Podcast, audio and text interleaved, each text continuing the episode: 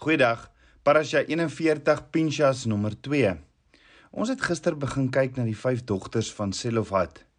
Se pa wat oorlede is en wat sit sonder 'n erfporsie. So ons begin die week en sommer in die middel van die parasha om te gesels oor hierdie dogters. Hoekom? Want dit is so belangrik en dit het alles, alles met Yeshua te doen. Ja, hierdie vyf dogters kom na Moses toe en sê vir hom en vir Eliezer en die owerstes in die hele vergadering by die ingang van die tent van samekoms in Numeri 27 vers 3 tot 4. Ons vader het in die woestyn gesterwe en hy het nie behoort by die bende van die wat teen die Here vergader het in die bende van Korag nie maar hy het om sy sonde ontwil gesterwe en geen seuns gehad nie waarom sou die naam van ons vader uit sy geslag weggeneem word omdat hy geen seuns gehad het nie gee ons 'n besitting onder die broers van ons vader. Nou, ons gaan daarna kyk later in die week want daar's daar's ooreenkomste tussen die optrede van Pinchas en die van die dogters van Selofat. In die sin daarvan dat dit in beide gevalle 'n beslissing van Abba Vader vereis het. Beide Pinchas en die dogters van Selofat het nie teen Abba Vader se gesag en orde gerebelleer nie. Nee, in beide gevalle is daar hierdie passie vir wat reg is volgens Abba Vader. En die vraag is Tabernakels kind van Abba, is daar nog 'n brandende begeerte in jou hart vir Abba Vader se woord wat dan oorgaan tot aksie en nie emosies nie. Want sien passie is presies wat Yeshua kom doen het vir my en jou in die kruis. Dis Yeshua se liefde, sy passie vir my en jou wat oorgegaan het tot aksie. Net so om 'n passie vir Yeshua te hê is om 'n passie vir die woord van Abba Vader te hê. In Johannes 14 vers 15 sê Yeshua: "As julle my liefhet, bewaar my gebooie." Dan in Psalm 119 vers 10 sê Dawid: "Ek soek U met my hele hart, laat my nie afdwaal van U gebooie nie." Met ander woorde, pas hierdie vuur wat in ons brand motiveer ons om op 'n Vader se woord te leer ken. Om op 'n Vader se woord op die tafels van ons harte te skryf dis passie. Dis hierdie passie in ons van Vader se woord wat ons help om groot besluite te maak en om opofferings te maak. Passie vir Abba Vader se woord, Abba Vader se leiding gee vir ons buitengewone moed en passie dryf ons na buitengewone resultate. Dit dryf jou tot aksie om binne die wil van Abba Vader te leef. So passie is nie net om Abba Vader se woord te lees nie, maar om dit te leef. Dis om sonder 'n woord die Bybel vir die wêreld te wees. Nou beide die dogters van Selofhat en Pinchas was by beide van hulle was daar hierdie passie vir Abba Vader se woord en net sy waarheid. Maar ons leer iets baie baie belangrik vir die passie wat gebrand het in die dogters van Selofhat se vraag wat alles te doen het. Hierdie vraag wat hulle vir Jesh, vir vir Moses kom vra, wat dan alles te doen het met Yeshua. Moses het dadelik die regsaak van hierdie dogters van Selofbad voor die aangesig van Abba Vader gebring. Waarop Abba Vader hom geantwoord het en gesê het in Numeri 27 vers 7: "Die dogters van Selofbad praat reg. Jy moet hulle sekerlike erflike besitting onder die broers van hulle vader gee en die erfdeel van hulle vader op hulle laat oorgaan." Nou hierdie regsaak van die dogters van Selofbad is 'n bewys dat Abba Vader vroue nie as minderwaardig beskou nie. Nee, Abba Vader se woord, sy instruksies beskerm ons almal. Nou ons verstaan prakties hoe dit daardie tyd gewerk het. Die Vader se se erfporsie soos hy na sy oudste seun toe gegaan het. Maar daar was 'n probleem as daar geen seun is nie soos in die geval van hierdie vyf dogters, want die erfenis is direk gekoppel aan die land. En as jy nie land het nie, kan jy nie 'n oes opbring wat finansiëel vir almal sorg nie. So hierdie dogters sit met 'n panari. Hierdie dogters gaan sien toe vir Moses en Moses vat toe die saak na Abba Vader toe want dit is 'n groot en 'n belangrike saak. Dit is 'n saak van lewe en dood. Nou hoor gou-gou om te verduidelik hoe groot en belangrik hierdie saak is. Hoor wat staan in Jeremia 22 vers 24 tot 30. So waar as ek leef, spreek die Here, al was Gonja, die seun van Jokokim, koning van Juda, 'n seelring aan my regterhand, tog sal ek jou daar afruk en ek sal jou gee in die hand van hulle wat jou lewe soek en in die hand van hulle vir wie jy bang is, naamlik die hand van Nebuk van Nebukad Nebukadneser, die koning van Babel en in die hand van die Saldeërs. En ek sal jou wegslinger saam met jou moeder wat jou gebaar het na 'n ander land waar jy nie gebore is nie en daar sal jy sterwe. Maar na die land waar hulle siel na verlang om daarin terug te kom, daarheen sal hulle nie teruggaan nie. Is hierdie man Gonja 'n veragte, verbryselde voorwerp of 'n ding waar 'n mens geen behaan het nie? Waarom is hy en sy geslag weggeslinger en weggewerp in 'n land wat hulle nie ken nie? O land, land, land, hoor die woord van die Here. So sê die Here: Skryf hierdie man op as kinderloos, 'n man wat nie voorspoedig sal wees in sy dae nie, want dit sal niemand van sy geslag geluk om te sit op die troon van Dawid en nog oor Juda te heers nie. So dis nou mondvol, maar maar maar Gonja was die laaste koning wat aan die troon gesit het. Want dit was die vloek van die koninklike Dav Davidiese lys, die curse of royal Dav Davidic line. Nou wat op dese aarde het dit te doen met die vyf dogters van Selofat? En ek meen dit is nou baie, maar dit maak my so deurmekaar soos 'n verkleermannetjie op 'n smartie boks is dit nie? Want wat het hierdie dogters van Selofat, wat het dit nou enigstens iets te doen met hoekom hulle vir Moses gaan sien het? Dit het alles daarmee te doen. Hoor gou-gou, dit het ook alles te doen met my en jou verlossing. Hæ? Huh? En dit in die Ou Testament? O ja. Kom ek verduidelik. In Matteus 1 en in Lukas 3 kry jy Yeshua se geslagsregister, asook die geslagsregister van Miriam, Maria se Hebreëse naam. Yeshua se ma is ook die geslagsregister van Josef. Albei van hulle is van die huis van Dawid, die Jode. Maar ons het 'n probleem want niemand kan op die troon sit as koning van hierdie geslagsregister nie, want die geslagsregister is vervloek in Jeremia 22 met koning Gonja. So 'n Vader sê niemand sal meer op die troon sit nie. Nou, uit watter stam was Yeshua nou weer? Yeshua was uit die stam of die huis van Juda. So hier is 'n probleem want Yeshua kan nie op die troon sit as koning van die huis van Juda as hy gebore is uit die geslag van Josef nie.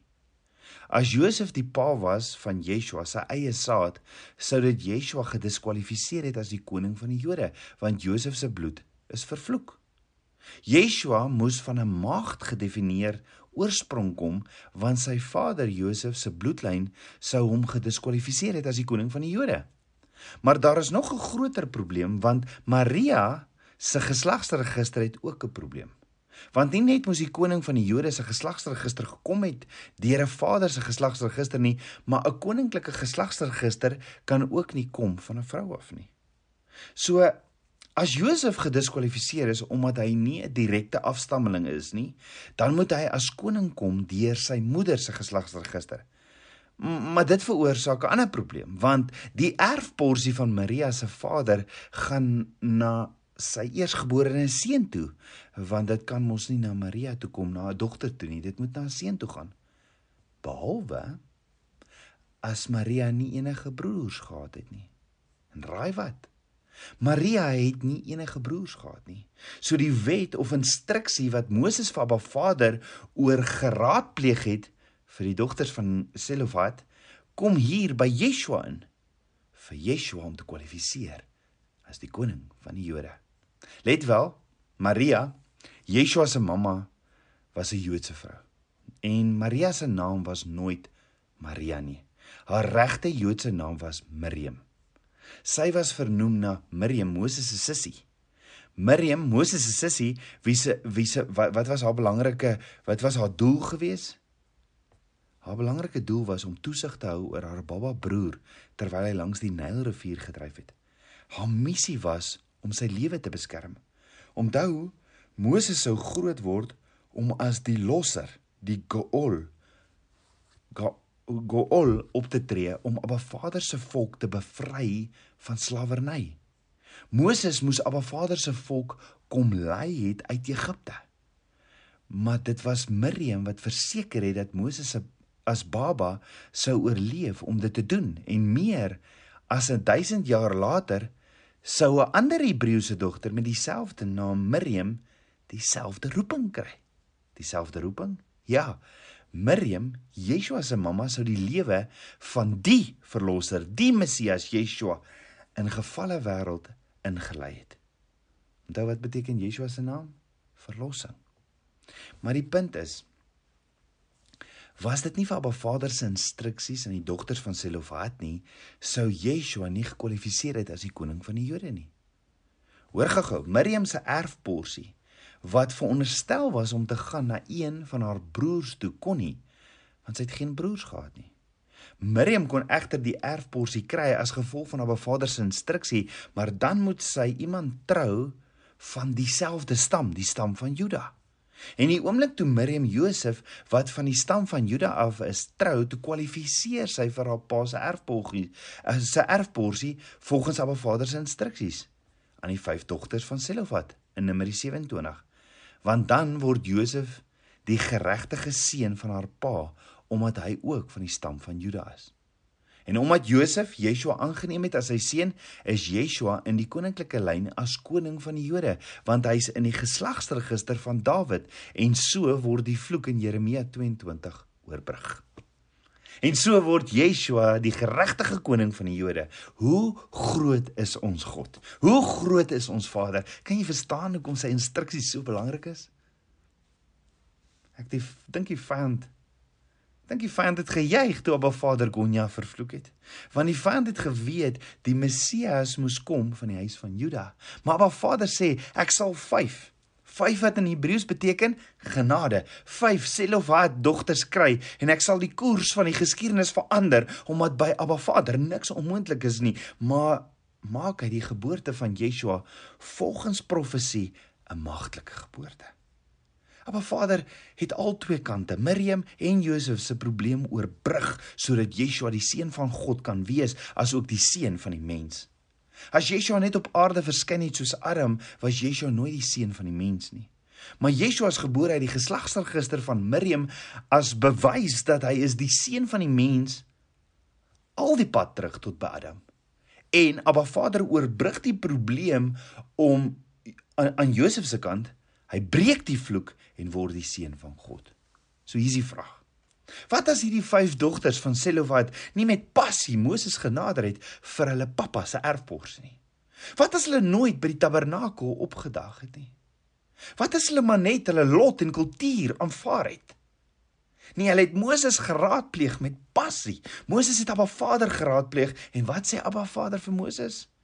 Abba sê vir sê vir Moses in Numeri 27 vers 7, die dogters van Selofhat praat reg. Jy moet hulle sekerlike erflike besitting onder die broers van hulle vader gee en die erfdeel van hulle vader op hulle laat oorgaan. Ah, Tabernakels kind van Abba mag ons soos Moses Abba in alles ken. Want hy maak ons baie gelyk. Maar dink gou hieroor. Wat het hulle nou weer op die bordjie geskryf bo Yeshua se kruis?